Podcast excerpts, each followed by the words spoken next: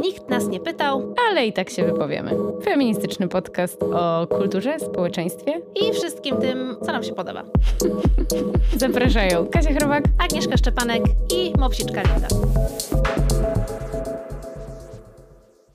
Dzień dobry, dzień dobry, drogie słuchaczki i drodzy słuchacze. Dzisiaj staram się mówić z piękną dykcją. Będzie to na pewno wyzwanie, bo zaraz oczywiście poniesie mnie nurt dyskusji, a to wszystko dlatego, że Kasia jest na wakacjach, wakacjuje się w USA, road trip z her husband i zostawiła mnie i w związku z tym ja od razu pierwsze co zrobiłam, to chwyciłam za telefon i zaprosiłam waszą ulubioną gościnę, stałą bywalczynię tego podcastu, która bije rekordy odsłuchań, kiedy u nas gości, więc hello, hello, dzień dobry twoja stara. Dzień dobry, bum dzieciaczki, cześć. Aga, powiedz mi, jak to jest możliwe, że my nagrywamy o 7 rano?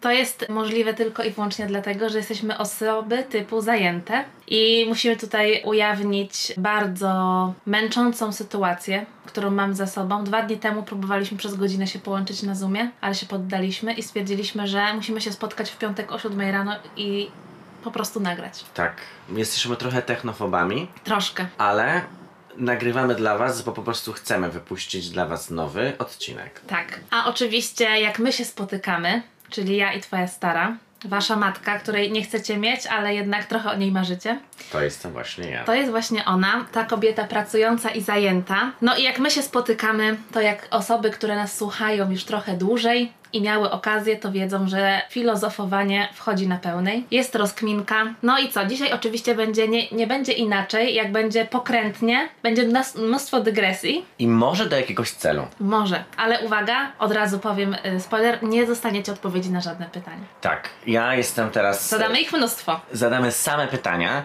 Ja też jestem teraz w procesie terapeutycznym. O, dziewczyna w końcu na terapii. Tak.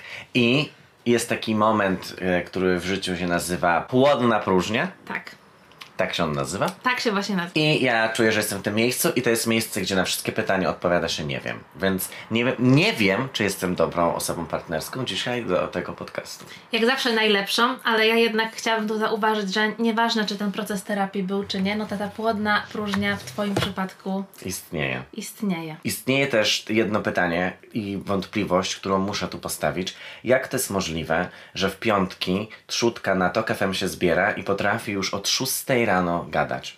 Jak oni to robią? Ja mam jedną odpowiedź na to pytanie, bo to są mężczyźni. No tak, mężczyźni Oni no, wszystko potrafią robić i najlepiej. potrafią gadać cały czas. Cały czas i nie dopuszczać nikogo do głosu, przekonani święcie o swojej racji. No to dzisiaj przede mną tutaj prawdziwe wyzwanie. No, jako mężczyzna i przedstawiciel trzutki musisz tutaj spełnić pewne oczekiwania. No jasne, Aga, więc powiedz mi, czy ty grasz na siebie? To mnie zastanawia. Od zawsze Czy jesteś celebrytką? Oczywiście, znaczy ja tak w mojej głowie. Jak powiedziała mi wczoraj moja terapeutka, powodzenia w tych halucynacjach, które pani uprawia. O. No. I czy to są halucynacje o sławie i wielkich pieniądzach i karierze? No niestety nie. Chociaż mogłyby o to zahaczać, a żeby tutaj w, y, w naszych słuchaczy i słuchaczki wpuścić do naszego kręgu hermetycznego żartu, to musimy tutaj przedstawić może temat dyskusji i tego, co nas dzisiaj do tego w ogóle wszystkiego sprowadziło, do tej dyskusji, do, na której odpowiedzi na żadne pytania nie będzie. Tak. Dyskusja była taka. Rozmawiamy o przebodźcowaniu. Porozmawiajmy o tym, jak jesteśmy przytłoczeni, że nie mamy na nic siły i w ogóle, że, że, że świat jest zły. Ale zanim do tego, to przecież musi być bardzo pokrętna dyskusja o tym, dlaczego tak się czujemy, i w sumie jest dużo takich innych czynników, które sprawiają, że właśnie tak się czujemy. No i wydaje mi się, że to, co konsumujemy i jak konsumujemy, ma, na, ma jakby tutaj ogromny udział w tym wszystkim. Tak. Wydaje mi się też jest tak, że kiedy myślimy sobie, kiedy przychodzi taka myśl, że już dzisiaj w ogóle będzie chillax, już dzisiaj w ogóle telefon mi nie zapłonie w rękach, to się zawsze okazuje, że świat przychodzi jednak ze swoim szyderczym uśmiechem i mówi proszę pana, proszę pani, proszę osoby. I z jednej strony jest policzek, z drugiej strony jest policzek. Wychodzi nowy serial, wychodzi y, nowy numer książek. Tak, nasz ulubiony magazyn o książkach, których nie czytamy, ale o których wiemy wszystko. No oczywiście wystarczą recenzje. Tak. I może jedna spośród tych wszystkich recenzji, jedna przeczytana książka. To już jest bardzo duży bilans, uważam. Bardzo do, korzystny. u- uważam, lepiej czytać niż nie czytać No, książek. raczej. Chociaż nawet jak będziesz mieć tą jedną, na opowiesz o wszystkich innych. No, dzień dobry. Story of my life. No i oczywiście mówię do Piotra, musimy jakoś o tym przebodźcowaniu powiedzieć. Mądrze idę, bo są nowe książki, na pewno wymyślę coś. No i tak się stało. No i graj na siebie, czy grasz na siebie? Graj na siebie. Graj na siebie. To jest tytuł artykułu, który nas niesamowicie zainspirował. To jest y, artykuł autorstwa Katarzyny Wężyk. tak, no i ten artykuł traktuje o kulturze celebryckiej, o tym, dlaczego tak naprawdę interesuje nas życie osób, które są zdolne, a czasami są znane z tego, że są znane, że coś zrobiły i analizuje cały ten fenomen celebrycki, popularnościowy, trochę też związany z tym, dlaczego pewne rzeczy konsumujemy i jakie konsumujemy. No i też bardzo ciekawie autorka w tym artykule pokazuje różne spojrzenia. Opiera się na takich trzech książkach, o których wspomina ich autorów, i którzy prezentują bardzo różne podejścia do czytania celebrytyzmu, tej kultury celebryckiej. I więc mamy tutaj trochę kultury takiej miksu wysoka-niska. Jest też oczywiście krytyka kapitalizmu, bo musi się Oczywiście, pojawić. musi być. Tak jak krytyka J.K. Rowling. Ale oczywiście jest wspomniana tutaj. Oczywiście, że jest. Więc to było po prostu więcej niż przeznaczenie, żeby do tego, o tym porozmawiać w artykule, jakie w nas zrodził pytania i y, jaki czujemy niedosyt w związku z tym. I ten artykuł ma dużo takich mm, wzmianek dotyczących definiowania celebrytyzmu, ale to jest może takie mniej dla nas zajmujące na poczet tej rozmowy. Ale interesuje nas na pewno i o tym chciałabym z Tobą porozmawiać. Takie zaczepki, które ta autorka w tym artykule gdzieś tam próbuje do, y, z czytelnikiem sobie trochę pograć, czyli te wszystkie takie tezy związane z y, na przykład e, rozróżnieniem aktywizmu a celebrytyzmu. I to są takie ciekawe rozpoznania, bo mówi e, ona przecież o tym, że podaje oczywiście przykłady różnych e, celebrytów, których znamy, których mniej znamy, tych pierwszych celebrytów i zastanawia się, czym oni właściwie mogliby się różnić od takich aktywistów, których ty też jesteś przecież drag aktywistką. Tak, tak, tak. No autorka tutaj pokazuje, że ta podstawa między rozróżnienia między aktywizmem a, a, a celebrytyzmem jest taka, że aktywiści są oprócz tego, że niosą te wartości, które chcą jakby widzieć w życiu jakiejś zmiany społecznej. Dużo też o nich mówią, konstruują swoje teksty, konstruują swoje wypowiedzi, swoje komunikaty dookoła właśnie jakiegoś takiego celu nadrzędnego i nie zawsze widać ich w akcji, chociaż oczywiście jest mnóstwo aktywistów, którzy są akcyjni i widać ich w akcjach, ale często są to jakieś radykalne akcje albo akcje e, reakcyjne. I, I to jest coś zupełnie innego niż po prostu oddanie się takiemu flow życia, którym są ci celebryci, którzy właśnie dlatego, że nikt ich, albo może właśnie dlatego, że wszyscy im się przyglądają, czują, że w ogóle nikomu nie są nic dłużni i ich e, życie jest po prostu ich i mogą przejść przez nie tak, jak chcą. Tak, ale y, muszę tutaj zrobić małe ale, bo z jednej strony zgadzam się z Tobą i myślę sobie, że jest w tym taka trochę, można powiedzieć, brawura, czasami taka ostentacja związana z tym, że jak osiągasz już pełen pu- pułap popularności, to po prostu możesz sobie pozwolić na pewne rzeczy. I możesz po prostu żyć tak jak chcesz, mieć trochę wywalone na to, co mówią o tobie inni, ale na co też zwraca uwagę Katarzyna Wężyk, że ten, ta cała kultura cele, celebrycka jest też bardzo przewrotna, bo to jest właściwie taki trójkąt, wokół którego się poruszają te znane osoby, że możesz właściwie robić to, co wydaje ci się chcesz, ale z drugiej strony masz przecież odbiorców, którzy muszą konsumować ciebie jako treść. Masz wydawców, masz sponsorów, masz firmy, które cię zatrudniają bądź nie. No i to wszystko jest od siebie zależne. To nie jest tak po prostu, że mogę robić co chcę.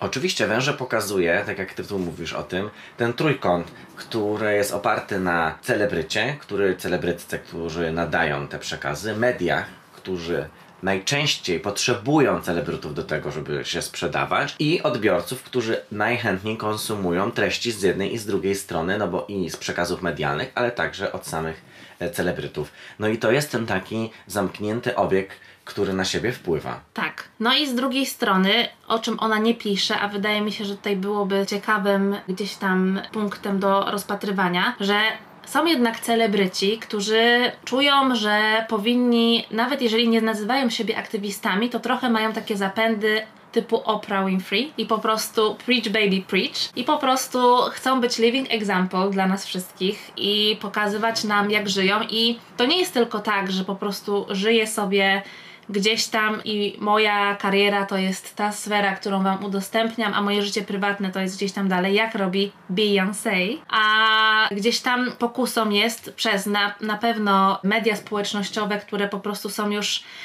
no naszą codziennością, tym po prostu klikaniem, przesuwaniem, scrollowaniem, które, bez którego nie wyobrażamy sobie praktycznie dnia, od którego musimy sobie robić detoksy i o czym po prostu y, rozmawiamy w kontekście well-being i w ogóle tego, żeby dbać o siebie, nie być przebodźcowanym i tak dalej. Więc no ta pokusa bycia bardzo blisko swoich odbiorców i odbiorczyń i w ogóle ta możliwość bycia i kontaktowania się oczywiście za pośrednictwem ekranów i przez taki przekaz bardzo kontrolowany, bo jednak wrzucasz to, co chcesz, możesz to edytować jak tylko chcesz, no ale ta pokusa, żeby jednak trochę powiedzieć ludziom, jak powinni żyć i sprzedać ten sposób życia i zmonetyzować go, dzień dobry kapitalizm znowu, no jest jednak trochę duża. No oczywiście, bo przecież no to jest chyba tak, że funkcjonujemy w tych przekazach medialnych, które są bardzo emocjonalne.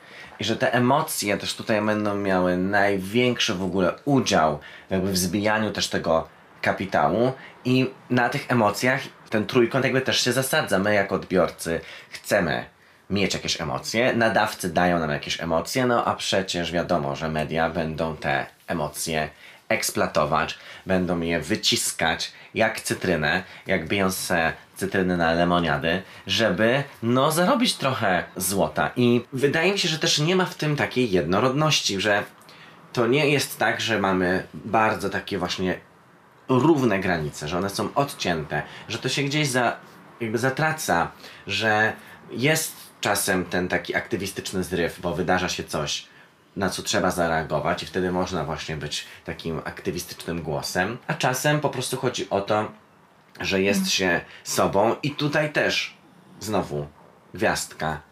To są bardzo różne okoliczności, bo najprawdopodobniej nie każde sobą jest akceptowane. Nie w każdych okolicznościach każde sobą jest akceptowane. I tak jak mówi Katarzyna Wężyk w, w artykule, co to to, co ty też zaznaczałaś, no że ta łaska odbiorców z tym koniu jeździ. A jednak. I bardzo to jest wszystko chwiejne i wystarczy sekunda, by z kogoś, kto jest jakby bożyszczem i bożyszczką tłumów, e, stać się osobą na mm, marginesie, czego przykładem są tegoroczne Oscary, gdzie bardzo pewien balans został e, zachwiany.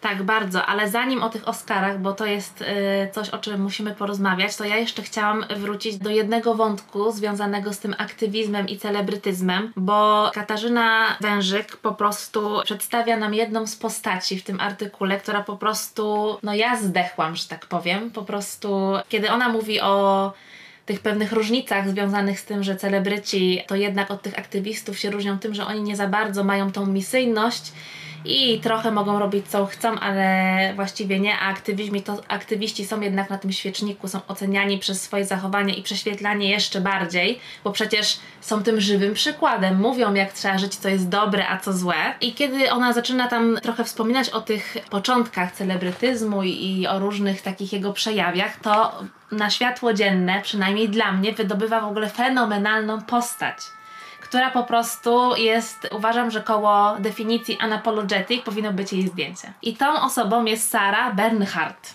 Tak. Aktorka, wielka gwiazda Tak. scen. Wielka y, aktorka teatralna, która mimo żydowskiego pochodzenia, bo wiecie, to są czasy XIX wiek, czyli coś, co y, nie powinno być y, uwypuklane.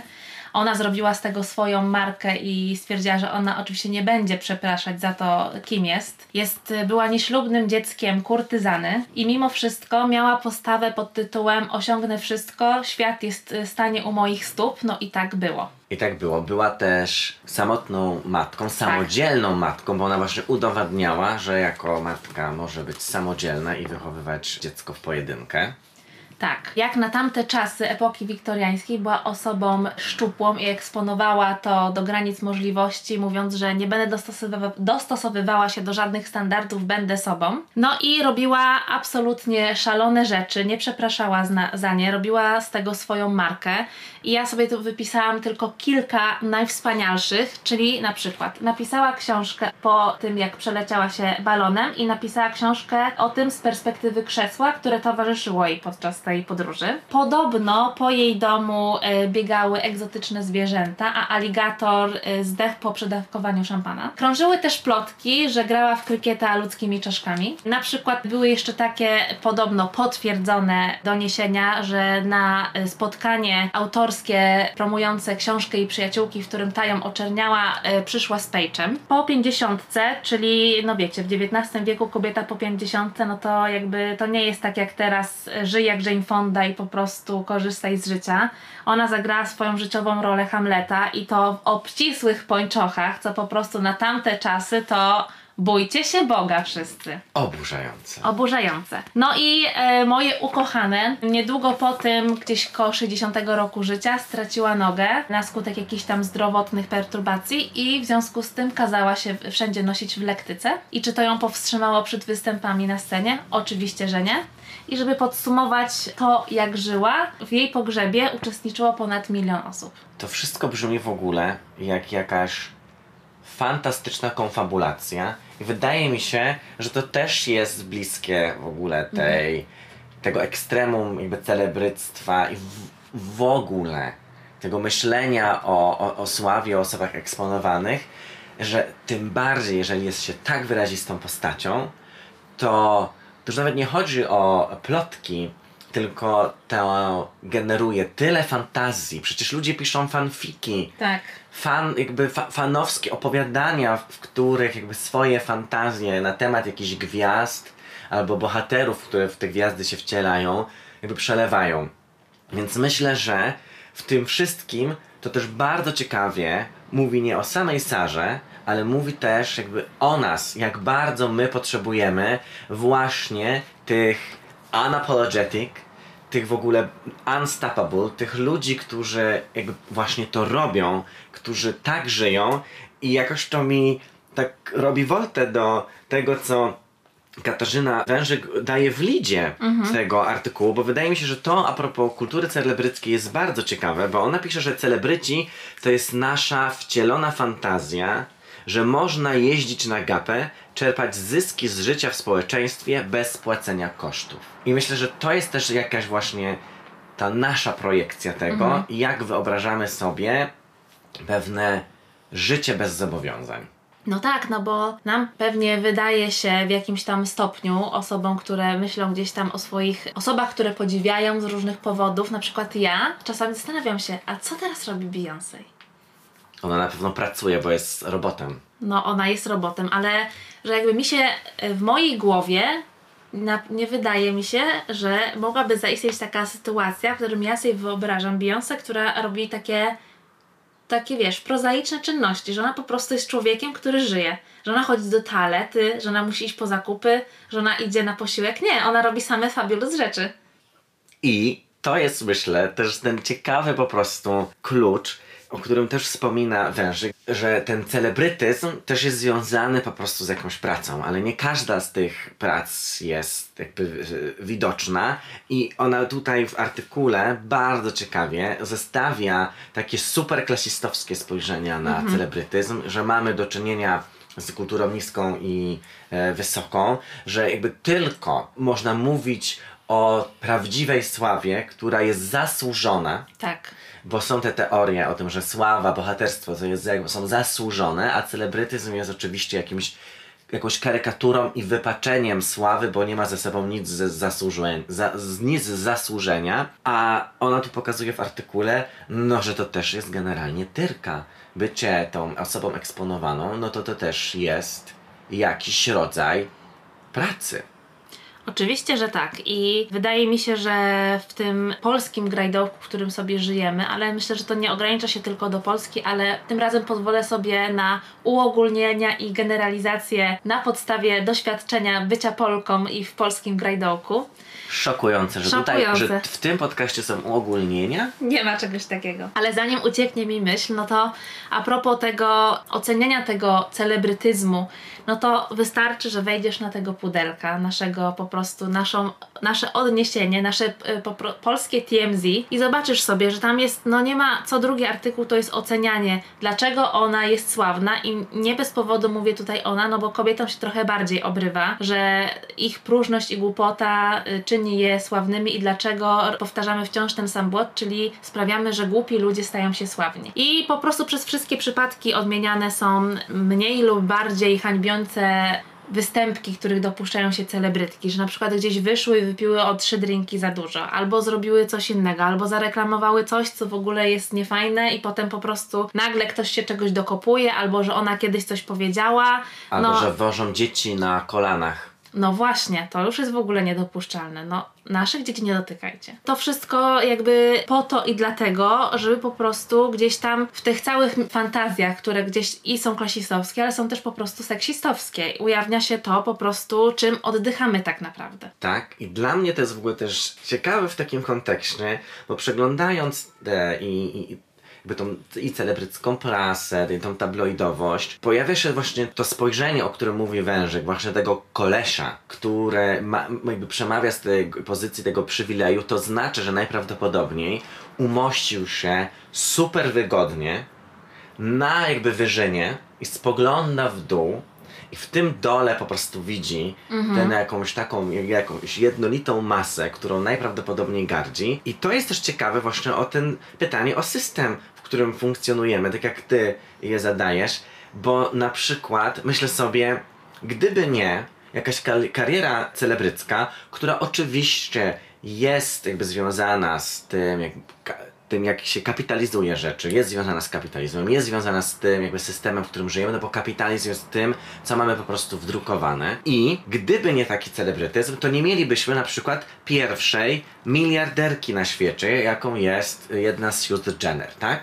I nagle się okazuje, że są te płaszczyzny i te obszary, tu już nie chodzi o kulturę, tylko w ogóle życia w świecie, w którym kobiety są blokowane, nie, nie, jakby nie mogą być tak eksponowane, nie będą ich zasługi tak zauważane, więc jakby całe to oko uwagi dopiero jakby w tym obrębie jakiegoś show biznesu, tej kultury celebryckiej może być czymś, gdzie kobiety mogą czuć się bardziej zauważane, że wybite, no wybi wybić się. Wydaje mi się, że to jest też ciekawe i że zawsze będzie dla mnie to pytanie, kogo widzimy, a kogo nie widzimy.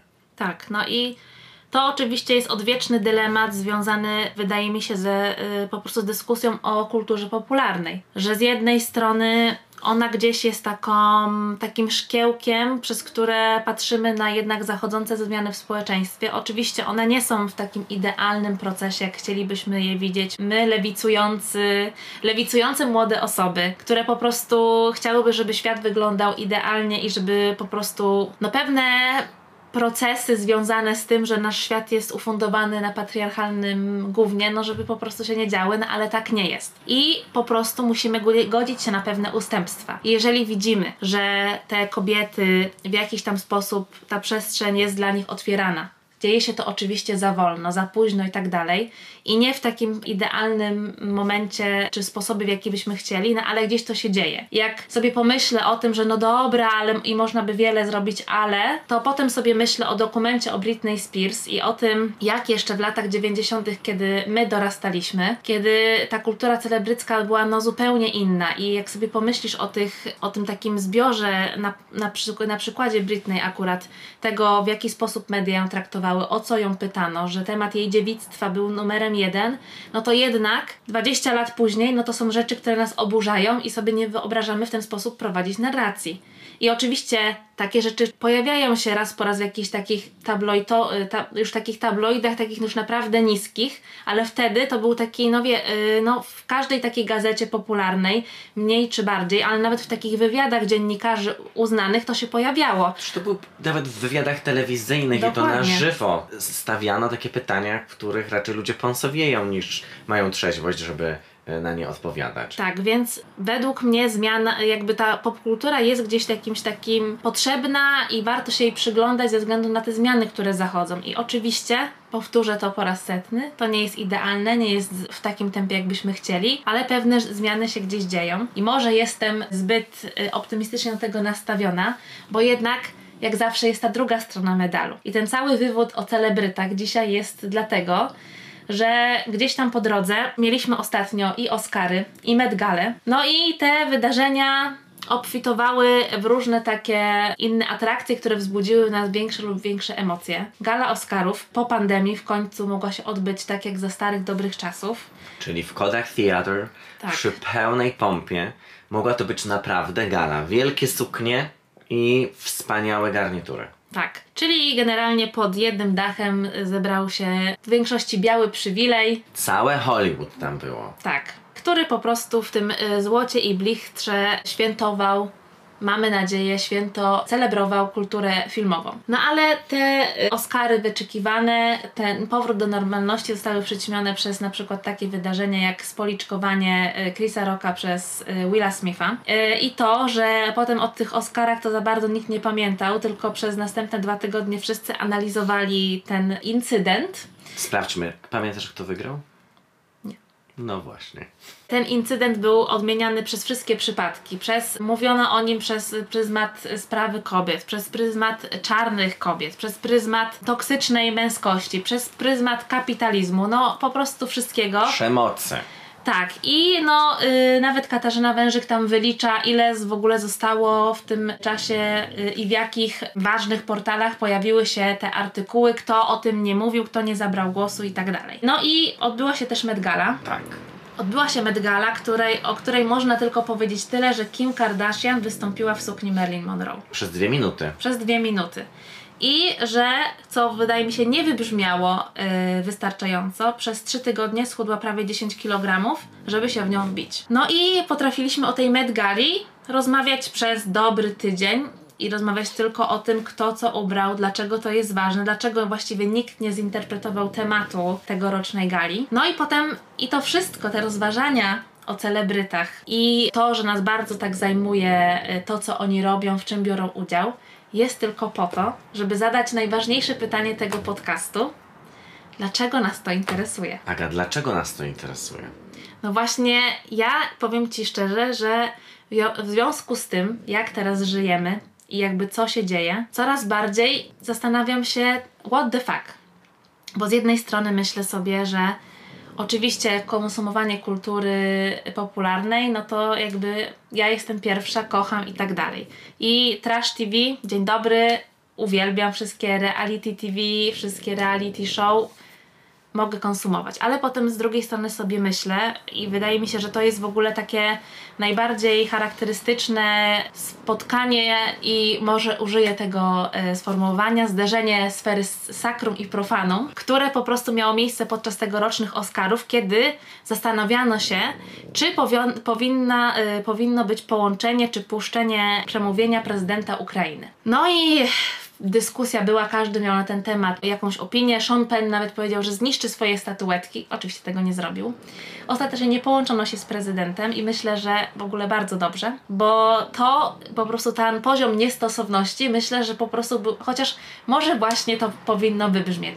Bo wyobrażasz sobie, Wojna na Ukrainie, agresja Rosji, oczywiście mówi się o tym konflikcie na Ukrainie i nie mówi się wprost o tym agreso- agresorze podczas tej gali Oscarów. Wszyscy tam siedzą wystrojeni, bogaci, myślący w ogóle o zupełnie innych rzeczach i nagle łączymy się e, z krajem, który jest opanowany wojną i co mamy mu powiedzieć? No ja nawet teraz jestem speechless. Ja nawet teraz nie wiem co powiedzieć, co zdarza mi się rzadko i myślę, że No ale nie sądzisz, że to jest w ogóle już takie kuriozum? no to jest, to jest To już jest w ogóle takie kuriozum. To jest bardzo absurdalne i naprawdę mam też takie wrażenie, że przy i tych Oscarach, i przy tych Met Galach, tak naprawdę to te całe sale siedzą przed lustrem. Że to, co tam się odbywa, no trochę jednak odbywa się dla siebie. Bo w gruncie rzeczy Oscary są przecież branżową imprezą. To jakby rozdaje się nagrody za filmy. Świat filmowy ocenia świat filmowy, więc jest to branżowa impreza, która stała się światowym fenomenem. I te wszystkie brawa, które sobie dajemy, tam siedząc, no to dajemy jakby sobie, oczywiście za wiele dokonań, to nie jest tak, że tam ludzie nie zasługują na to, e, na statuetki, ale ten świat żyje sam dla siebie. I to pojawienie się tematu wojny, E, Ale nie tylko, bo przez lata na Oscarach pojawiały się różne ważne tematy. Na przykład Marlon Brando wysłał na, przy odebraniu swojej statuetki, wysłał przedstawicielkę mm, e, rdzennych mieszkańców Ameryki, żeby ludów e, pierwszych, żeby powiedziała o tym i zaprotestowała, jak rdzenni Amerykanie przedstawieni są w filmach przez Hollywood. Więc jakby to są, te, te, te jakieś sygnały aktywistyczne były, ale to jest zawsze bardzo z zewnątrz i uznawane jest za coś niewygodnego i niestosownego. Tak, albo mówi się, to było ważne, kropka, nie zajmujemy się tym dalej. W ogóle wspaniały, wzruszający moment potrzebny, ale za tym nie idzie żadna zmiana. No bo kto jakby opodatkuje tych bogatych sukienki e, Ocasio Cortez? No właśnie, dzień dobry, jakby kolejna rzecz. Z Met Gali sprzed, nie wiem, Roku. To Albo było rok dwóch. temu? Tak. no z jednej z poprzednich, kiedy ona po prostu wkroczyła w tej pięknej sukni z przesłaniem, a parę lat później, czy niedługo później, ostatnie głosowanie, kiedy głosowano nad tym, żeby zlikwidować majątki rosyjskich oligarchów, no i ona po prostu nie głosuje za tym. No tak. No i po prostu kogo taksujemy? I tu jest też e, bardzo ciekawe, bo wydaje mi się, że w tym świecie, który jest właśnie w takich bardzo dużych emocjach, przy tym celebryckim e, świecie, te rzeczy, które są proste, sprzedają się łatwiej, rzeczy, nad którymi się nie trzeba zastanawiać, wchodzą gładko. A niuansowanie jakby jest już dużo trudniejsze do opowiedzenia. Już nie wiadomo jak zabrać stanowisko. I pomimo tego, że my, myślę, że mogę mówić za nas, absolutnie nie sprzeciwiamy się napaści Rosji na Ukrainę, najprawdopodobniej wiele osób, które się działo wtedy na tej sali w, w Kodak Theater, tak samo, ale przy jakby tym zderzeniu nie jesteś w stanie tego jakby opanować. Nie, jakby na, nagle jakby wszystkie słowa jakby grzęzną ci w ustach, bo no to już się nagle okazuje, nie dla mnie, bo ja nie mam żadnego w tym zysku, ale dla kogoś, dla, kto jakby czerpie zyski ze swojego bycia na świeczniku, już bardziej słowo konflikt jest adekwatne niż rzeczywiście zebranie wyrazistego, otwartego stanowiska. Albo szczekanie na to przy granicy Rosji, tak? A, oczywiście, no można i... Można i tak, papieżu, można i ale tak. nie pozdrawiamy cię. Dokładnie, więc to wszystko, co jest łatwe, jest do przełknięcia w takich przestrzeniach yy, w sekundę. Niuansowanie znika. Dla mnie, oczywiście, jakby ocena tego, co robi Rosja, jest po prostu łatwa do opowiedzenia. Ale ja nie mam nic do stracenia. Tak, i tutaj jest pełna zgoda, że to niuansowanie na taką globalną skalę i w popkulturze no, dzieje się na trochę innych zasadach. Ale no, dla mnie tutaj trochę też chodzi o coś innego, że no właśnie z jednej strony no my mamy trochę też inne spojrzenie pewnie na tę wojnę w Ukrainie, bo ona się dzieje po prostu bardzo blisko i mamy na co dzień do czynienia z osobami, które na przykład przed tą wojną uciekają. I no jest to jednak takie doświadczenie, że na przykład kiedy wracam z pracy, to mijam na przykład ten punkt przyjmowania kolejnych y, uchodźców czy osób, które, y, które przyjeżdżają do kraju przed tą wojną i które na przykład stoją, żeby uzyskać pomoc i tak dalej. Są punkty zbiórki, które mija, że możesz iść i być tym wolontariuszem i po prostu w jakiś sposób się zaangażować. I o tym, w jaki sposób się angażować i jak pomagać, żeby jakby się nie wypalić albo żeby nie robić rzeczy na siłę, też o tym zaczynamy rozmawiać i oczywiście to są jakby, to jest już jakby zupełnie inny temat, ale mnie interesuje to, że właśnie przez to, że te, że, in, że social media i w ogóle telefony, do których jesteśmy przyklejeni na co dzień i to, że te informacje mieszają się to sakrum i profanum, czyli te głupoty o Met Gali, kto co ubrał, w jednym feedzie na przykład potrafią się przemieszczać ze zdjęciami z ludobójstwa w Buczy i z, no, na przykład z tym, w jaki sposób nasi politycy i polityczki, których popieramy i za który, którzy mają reprezentować nasze wartości, głosują. O tym, co się dzieje jeszcze gdzieś indziej na świecie, no bo to nie jest jedyny konflikt, y, znaczy jedyna wojna, jedyny konflikt polityczny na świecie, ten, który jest w Ukrainie. No i sobie myślisz, jakby jak to się wszystko może łączyć. I oczywiście zaraz mógłby się ktoś odezwać i powiedzieć, że wojny były zawsze na świecie. No ale wydaje mi się, że jednak tutaj jest taka istotna zmiana, że to, że my możemy tak tę wojnę i obserwować blisko i być na bieżąco z tym, co się dzieje 24 godziny na dobę. I nawet dostajemy czasami takie informacje, że by na przykład czegoś nie udostępniać, żeby zastanowić się w jaki sposób dzielimy się tymi informacjami. Też musimy je weryfikować, bo przecież fake newsy no po prostu są, stoją za rogiem i to jest też jakby kolejna umiejętność i skill, w który musimy się wyposażyć, czyli umieć filtrować to, co dostajemy, a dostajemy tego mnóstwo. I to wszystko funkcjonuje obok siebie. No i jak ja już o tym mówię, to ja już mam, mnie już głowa pęka, bo sobie myślę, jak to jest w ogóle możliwe, żeby to wszystko obok siebie funkcjonowało i jak w ogóle możemy się na to wszystko godzić. I jak możemy to przetworzyć, bo to też jest ważne, jak my mamy znaleźć dystans, ale też rzeczywiście wybrać to, na czym się skupić, mhm. no bo to bombardowanie informacjami jest z każdej strony i te dysonanse tego i te różnice jakby w ciężarze tak. rzeczy, którymi, z którymi się spotykamy są bardzo różne, a potem się nagle okazuje, że i tak do rangi największego światowego skandalu rośnie pewien wymierzony policzek. Tak, exactly.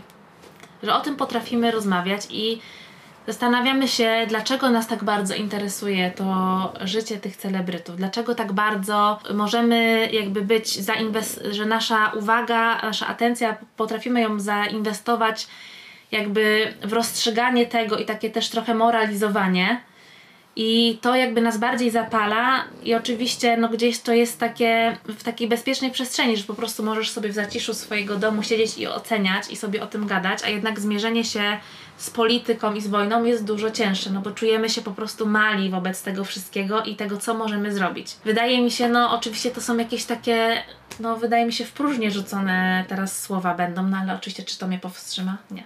Że no ta jakby zmiana jest gdzieś potrzebna i po prostu jakieś po prostu pospolite ruszenie, po prostu cała, y, cały glob powinien się obudzić, powiedzieć what the fuck, w ogóle co się dzieje.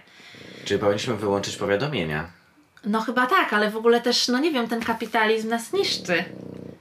No niszczy nas, zdecydowanie nas niszczy. Ale no czy to mnie powstrzyma przed kupowaniem innych rzeczy i tym, że po prostu czasami mam dosyć i jakby też widzisz, nie porzucę pracy, żeby zostać wolontariuszką i pojechać nie wiem, gdzieś, gdzie na przykład moje wykształcenie i umiejętności byłyby potrzebne. No idę do tej pracy i czasami ona mnie tak pochłania, że w ogóle zapominam o żywym świecie i na przykład godzenie obowiązków związanych z pracą i z tym, że muszę się sama utrzymać i liczę na siebie, z tym, że powinno się być na bieżąco i wiedzieć, co się dzieje na świecie i trzeba mieć przecież o tym opinię i wiedzieć, co się dzieje i jakby kto co powiedział z ważnych osób, które są dożone autorytetem jakby gdzieś tam y, na oderwanie od, y, obejrzeć sobie coś odmurzającego, coś fajnego, coś co wyszło, fajny serial, spotykać się jeszcze z przyjaciółmi, być blisko ludzi, zadbać o siebie i po prostu wyłączyć powiadomienia, self-care, yoga, pójście na siłownię,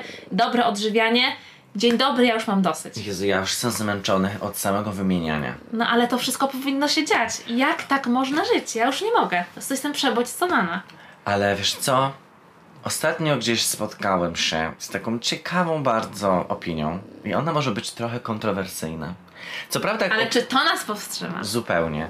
I było to co prawda a propos szczepień i sytuacji i dyskusji z antyszczepionkowcami. No właśnie, pandemia jeszcze gdzieś. I oczywiście jakby ona też jest tutaj oddech na plecach czujemy cały czas.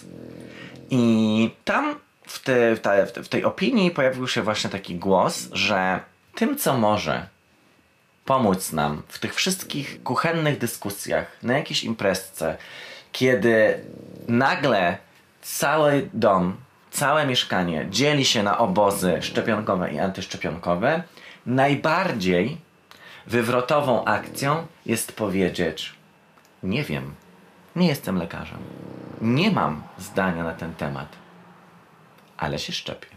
I wydaje mi się, że może tu trzeba skorzystać z tej płodnej próżni i trochę się przyglądać i może, może let them be.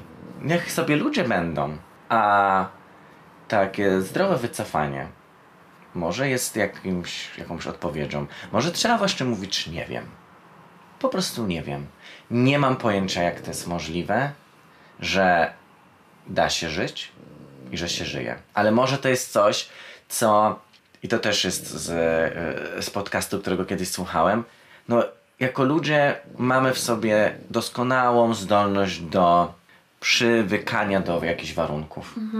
Przywykliśmy do tego przebodźcowania, przywykliśmy do tego, jak konsumujemy e, media. To znaczy, że chyba możemy też przywyknąć do życia bez powiadomień.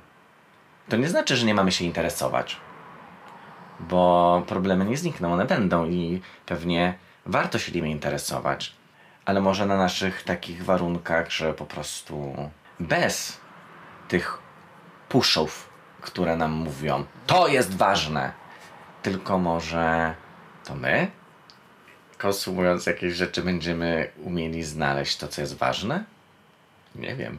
No ja też nie wiem, bo ja na przykład y, nie potrafię na razie znaleźć takiego złotego środka i póki co na przykład się odcinam. Po prostu dla mnie to jest za dużo i żyję trochę pod kamieniem. I na przykład ja w ogóle nie wiem, co się teraz dzieje w polskiej polityce.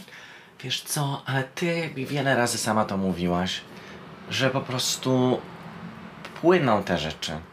Że czasem można być pod kamieniem, a czasem jak jaszczurka się wyjdzie na ten kamień i się będzie po prostu eksponowaną na całe to słońce i wszystkie te po prostu fotony informacji, które do nas e, przychodzą. I to też jest spoko. To też jest dobre być w tym obiegu, nasycać się nim, ale też z niego wypadać, bo jakby czy to, czy jesteś w, w tym obiegu informacji, czy w nim nie jesteś, nie zmienia tego, że jakieś twoje nastawienie do, nie wiem, do właśnie wojny, do ataku Rosji na Ukrainę się zmienia. Potępia się go i jakby nie zgadza się z nim tak samo. Tak, ja nie mówię, że to jest złe czy nie, ale to są po prostu takie rzeczy, które i tak ci w głowie siedzą i zastanawiasz się, po prostu zastanawiasz się nad tym i dla, ja uważam, że to jest też jakiś taki dodatkowy skill, który trzeba w sobie wy, wyrobić i wydaje mi się, że osoby, które jakby urodziły się już z telefonem w ręku i dla których po prostu bycie w mediach społecznościowych to jest po prostu oczywistość, czymś, czym się oddycha od najmłodszych lat i jak, w jaki sposób w ogóle konstruujesz też trochę swoją tożsamość, to jednak no, dla nas to jest taka, wydaje mi się, nowa jakby rzeczywistość do zaadaptowania, która jakby jest już od dłuższego czasu, ale ona się tak szybko zmienia i tyle się dzieje i jakby cały czas jest to takie podkręcanie tego tempa życia, że sobie zastanawiasz, jak to zrobić. I potem denerwujesz się, że nie możesz odpocząć, że nie możesz tego koło, tej myszki z kołowrotka ze swojej głowy wyjąć, bo nawet jak wyłączysz te powiadomienia, to po prostu te chomiki po prostu cały czas w tym kołowrotku i w tej karuzeli, one po prostu jadą. No to jest chyba też ta fantazja o byciu offline, No, że kiedyś to się było analogowo. naprawdę. A teraz, jakby ten, nawet jak się powyłączamy, to i tak jesteśmy podłączeni i podłączone. No tak, i to jest jakby też, wiesz, kolejny po prostu nauk, z którym musisz walczyć, że no nie sprawdzę tego telefonu, nie przeskroluję tego i to, że po prostu czasami skrolujesz i po prostu nic tam już nie ma dla ciebie i po prostu nawet tego nie czytasz, tylko po prostu wykonujesz ten ruch palcem, żeby scrollować i dać czasami serduszko, no to jest też jakby kolejna rzecz, żeby się na przykład czasami przed tym powstrzymywać. Tak, tak. Ale dla mnie to też jest jakaś opowieść, wydaje mi się, o zmęczeniu. I to też. I wy kiedyś wspominałyście z Kasią Stawiszyńskiego podcast.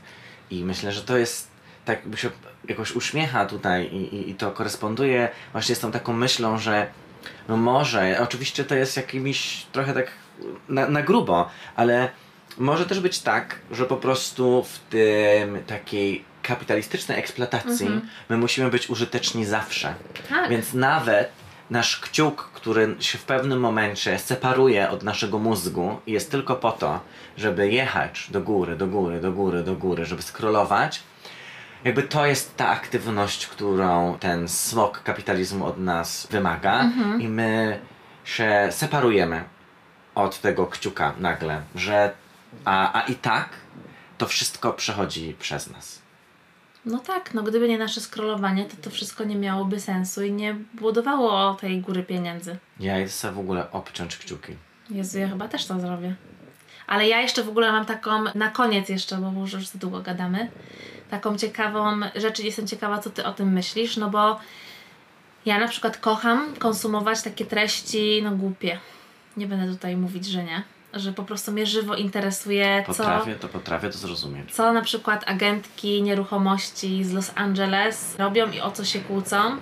I po prostu, no to są takie programy, które ja po prostu kocham. I w tych programach one w ogóle są wszystkie bardzo podobne do siebie. Tam się po prostu nic nie dzieje, tylko na przykład jest jedna drama nakręcona na sezon i korba leci przez 9 odcinków i nie masz za bardzo tam wyjaśnienia na koniec, ale po prostu Cię to interesuje. No i na przykład program, który mnie pochłonął bez reszty, który obejrzałam po prostu w jeden wieczór i rano dokończałam sobie do śniadanka finał, to był Fuckboy Island.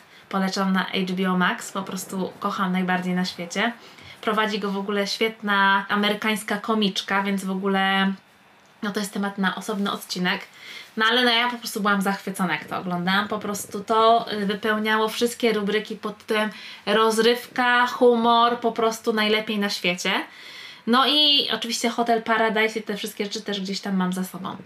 No i zastanawiałam się niejednokrotnie, dlaczego ja to oglądam, w ogóle po co mi to i dlaczego ja w ogóle chcę to ciągle oglądać. No i ja myślę, że jednak konstatacja jest trochę smutna.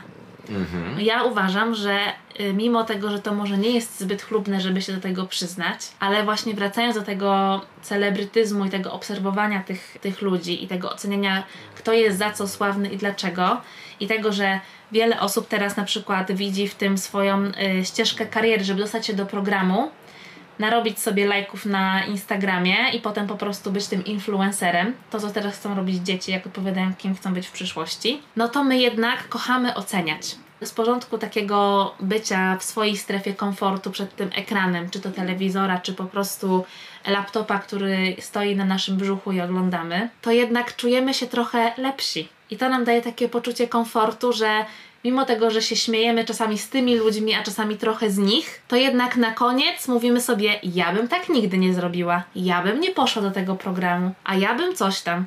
I jednak to chyba chodzi o to, że jednak trochę się lepiej czujemy ze sobą. No myślę, że tak.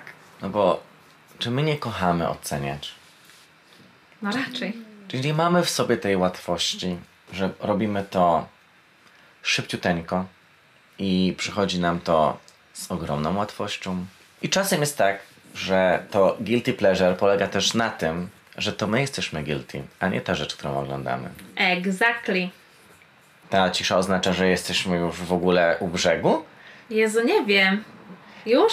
Ale ja jeszcze wiesz, co muszę bo być powiedziane na koniec? Że tu za tym wszystkim i za tym, y, który, co moglibyśmy teraz zacząć, kolejny wątek, już się czai w ogóle kultura kancelacji. Oczywiście, ale J.K. Rowling już dzisiaj padła. Już Co padła. prawda tylko anegdotycznie, bez rozwinięcia, ale zostawmy ją nie dlatego, że nie należy jej się spanking, bo należy jej się cały czas, ale już sobie nie strzępmy języku. Nie, już nie róbmy tego. Już to zostawmy, ale musimy powiedzieć, że właśnie trwa wyścig, to które z nas skończy ostatnią część Harry'ego Pottera. Przyznajemy się do tego, że czytamy. No ja chyba jednak przegram, bo e, jestem dopiero na dwusetnej stronie. Aha, no ja już jestem na 500. Nie, no to ty wygrasz. Ja wygram. Więc y, tak, ja przeczytałam w tym roku wszystkie części jeszcze raz. Ja też. I kocham Harry'ego Pottera. No ale to jakby mówimy wciąż o książce. Tak. A osobę można z. Nie no, nie, nie, nie, nie że zrzucić z klifu, tak metaforycznie. No ale widzisz, to jest wciąż problem. Jak się zachować wobec tego? I to są jakby kolejne niuanse, no bo łatwo by było powiedzieć, rzućmy ją z klifu. Ale żeby to zniuansować i zastanowić się nad tym, co robić z osobami, które źle postępują, ale może na przykład je nawrócić? Czy to jest możliwe? Czy po prostu powinniśmy spychać tych ludzi z tego, z tego klifu i w ogóle w niebyt wysyłać? Ja nie wiem. No ja też nie wiem. No i jakby kończąc y, tą wspaniałą puentą pod tytułem Nie, Nie wiem, wiem. no dobrnęliśmy do końca tego odcinka. Dziękuję, Aga. No bardzo proszę, myślę, że to była bardzo zawiła opowieść o przebodźcowaniu, Jak ale czy ona nie była fantastyczna? była, to jest labirynt. To jest labirynt. Dziękuję Wam za Adze, dziękuję za e, zaproszenie. Dzięki, że byliście i byłyście tutaj z nami w tym labiryncie. My, co prawda, jesteśmy minotaurem w tym labiryncie, a nie Ariadną, która potrafi Was z niego wyprowadzić. No, jakby. Ale uprzedzaliśmy, tak czy nie? Tak, Jezu, jednak nasze polonistyczne wykształcenie coś nam tutaj pomaga. Jednak coś. Aga, a my zapowiadamy następny odcinek, czy nie? Czy No nie, nie wiem, bo ja się boję, że on się jeszcze może nie wydarzyć. To nie zapowiadamy. Więc y, być może następny odcinek będzie absolutnie fantastyczny i będzie w trójkącie, ale to się jeszcze okaże, czy wszystkie plany temu dopiszą. Czy los nam będzie sprzyjał, żeby to nagrać. Bo jak wiesz, ostatnio Zoom nas zawiódł, więc mam nadzieję, że po prostu się spotkamy we trójkę i nagramy. Więc tak, jest na co czekać. Przed tobą jest dużo wspaniałych, prajdowych rzeczy. Jest. E, nadchodzą miesiące, w którym celebrujemy dumę i sojusznictwo z osobami LGBT, więc proszę obserwować Twoją starą na jej Instagramie. Będzie wrzucać wszystkie wspaniałe wiadomości a propos tego, co się będzie działo. Jeżeli są tutaj osoby z Wrocławia, to proszę kulturę równości również Jak wspierać, śledzić i być na marszu. I oczywiście grupę Stonewall, bo tutaj po poznańsku też trzeba wsparcie dać, bo teraz będziemy e, tęczowo celebrować, e, jak to zawsze latem, to, że wszyscy jesteśmy wspaniali, równi i możemy obok siebie żyć i mimo tego, że się ze sobą nie zgadzamy i po prostu jedyne, co możemy zrobić, to powiedzieć nie wiem. Po prostu chodźcie z nami na marszach tam, gdzie jest Wam blisko, a nawet tam, gdzie jest Wam daleko. Tak. Tak zróbcie, obserwujcie, wspierajcie. No i wyczekujcie kolejnego odcinka, który być może będzie super, fantastyczny i wspaniały, a jak nie, to będziemy musieli coś uszyć. Ale ty musisz być w tym odcinku. No, słuchajcie, będę. No dobrze, to się słyszymy za dwa tygodnie, jak Bóg da. Dzięki! Producentem podcastu jest Estrada Poznańska. Wszystkie odcinki znajdziesz na estradapoznań.pl.